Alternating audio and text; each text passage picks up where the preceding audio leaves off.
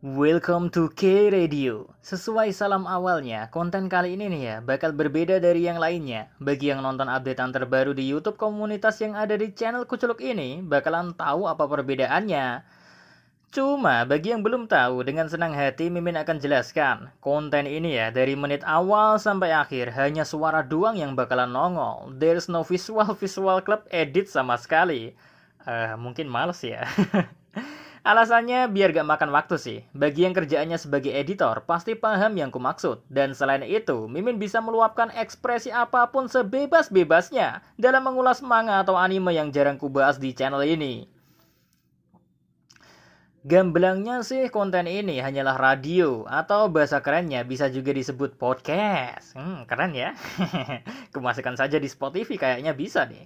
Ah, tapi nantilah. Wong teknik improvisasi dalam hal ngomong-ngomong gak penting kayak gini aja masih bingung. Ini aja 80% ya masih dibantu naskah. Apes, apes. Ya wes lah, tanpa motong banyak waktu. Mari dengerin Mr. King ngemeng gak jelas di radio kuculuk ini.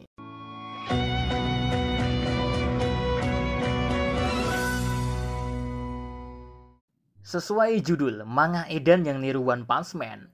Hmm, emang adakah manga yang niru One Punch Man, Min? Mungkin itulah yang Anda pikirkan ketika ada pertanyaan seperti itu. Nah, ini nih, kali ini ku kasih jawabannya karena memang beneran ada sebuah serial manga yang, yang di mana nih manga menurut Mimin ya bakal positif dapat adaptasi manga kelak. Eh, geblek-geblek kok manga dapat adaptasi manga sih? Sorry, maksudku adaptasi animenya. Bukan asal bicara ya ini, karena ada alasan-alasan tersendiri yang kalian kelihatannya bakal setuju jika udah dengerin alasannya. Tentunya harus baca manganya juga sih, biar gak asal percaya aja sama ucapan Mimin. Karena pengalaman langsung itu lebih ngena dari cuitan tetangga kan? Kayak sebuah peribahasa dalam bahasa Jawa, ojo nuruti titit titit tonggo. ada, ada. Dari tadi banyak bicara ya Mimin, gak ngasih nama manganya apa. Ya, namanya juga radio, Pak. Banyakin bicara, makin banyak durasi. Siapa tahu bisa genap 10 menit, biar bisa dijuluki YouTuber AdSense. oke, oke, cukup bercandanya. Nama Mang yang ingin bahas adalah Masle, bukan singkatan dari Masule ya. Itu mah artis komedian, Mamang. Tapi Masle singkatannya Magic and Muscle, yang kalau diartikan dalam bahasa Indonesia artinya santet dan urat. Manga Masle ini ceritanya tentang seorang pemuda bernama Mas yang tinggal di sebuah negeri di mana kekuatan sihir itu jadi pusat utama dalam kehidupan. Jadi, semua orang itu punya kekuatan sihir. Bahkan, sejak lahir itu ada tandanya di wajah mereka semacam garis retakan itu loh. Atau tato ya ini.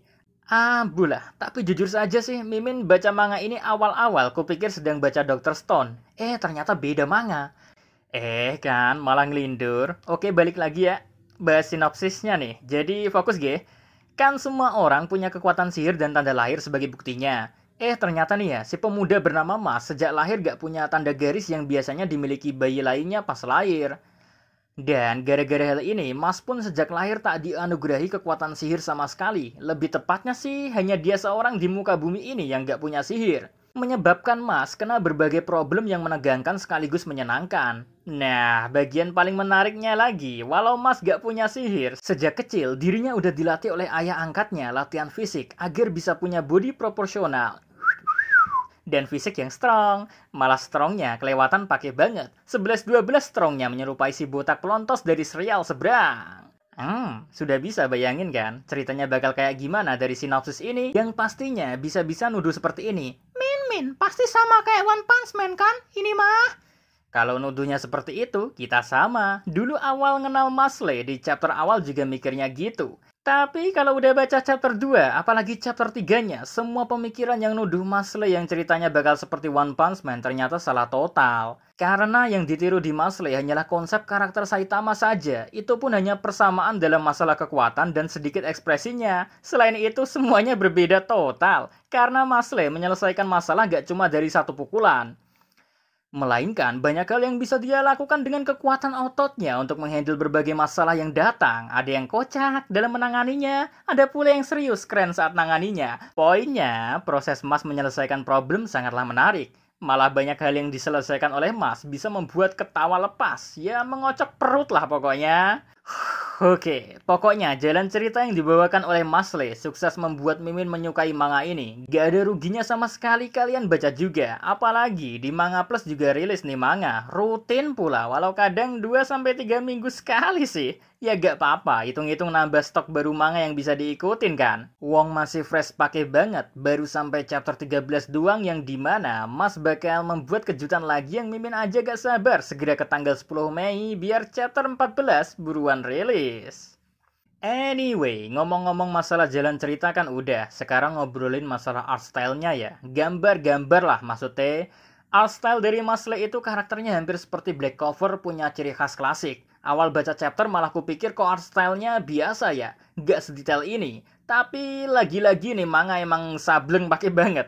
Kalau mau lihat art style-nya secara totalitas, memang nggak bisa hanya ngandelin chapter satu doang. Harus baca chapter-chapter selanjutnya juga. Karena makin ke sini, maksudku mengarah ke chapter terbaru ya, Si mangaka Masle kesannya membuat pembaca makin penasaran dengan gambar yang ada di chapter-chapter terbarunya. Ini serius loh ya, Mimin gak mengada-ngada. Ibarat kata, kalian dapat box hadiah dari teman, terus box tersebut kamu ambil dan buka. Eh, begitu dibuka, ada box hadiah di dalamnya. Penasaran lagi kan? Dibuka lagi, lu, kok ada box hadiah lagi? Penasaran maneng? Dibuka lagi, box hadiah lagi, dibuka lagi. Sama seperti itu terus aja sampai SpongeBob tamat. Inilah sensasi yang Mimin rasain saat baca Masle. Hah, plot udah, art style udah. Berarti kalau manga yang belum apa ya? Hmm, hmm, walah, pelajaran yang bisa diambil saat baca Masle.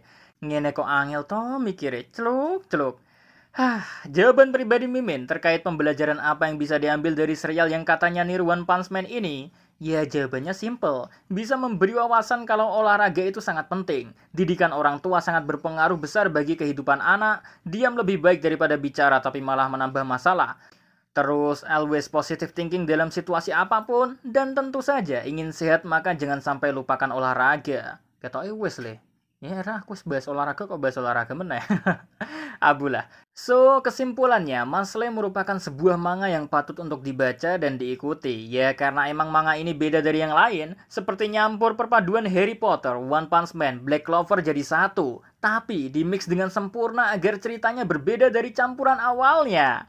Ah, kayaknya itu doang deh yang bisa Mimin bicarakan. Kalau berlebihan nantinya malah bocorin spoilernya berlebihan. Yang lebih-lebih biasanya gak baik kan bagi mental dan kesehatan. BTW, sebelum Mimin close K-Radio episode 1 ini, mau usul nih. Kalau K-Radio berikutnya ada sesi tanya jawabnya, mau gak? Jadi pertanyaan kalian, apa pun itu yang dituliskan entah di komentar YouTube, entah di DM Instagram Mimin pribadi, atau pas Mimin nanyain sesuatu yang iseng di komunitas, kalau ku bacakan dan ku jawab di konten penghujung kayak radio, pada mau nggak? Kayaknya lebih menyenangkan aja gitu.